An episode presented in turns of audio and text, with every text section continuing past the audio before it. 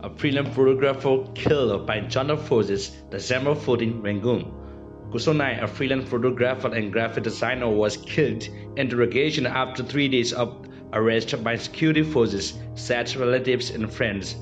He was arrested on 10 December while taking photos of the silent strike in Latha Township, Rangoon, and killed as a result of torture by junta security forces.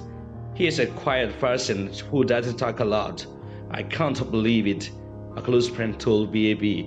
With him, one photographer was also arrested, but BAP was unable to confirm it.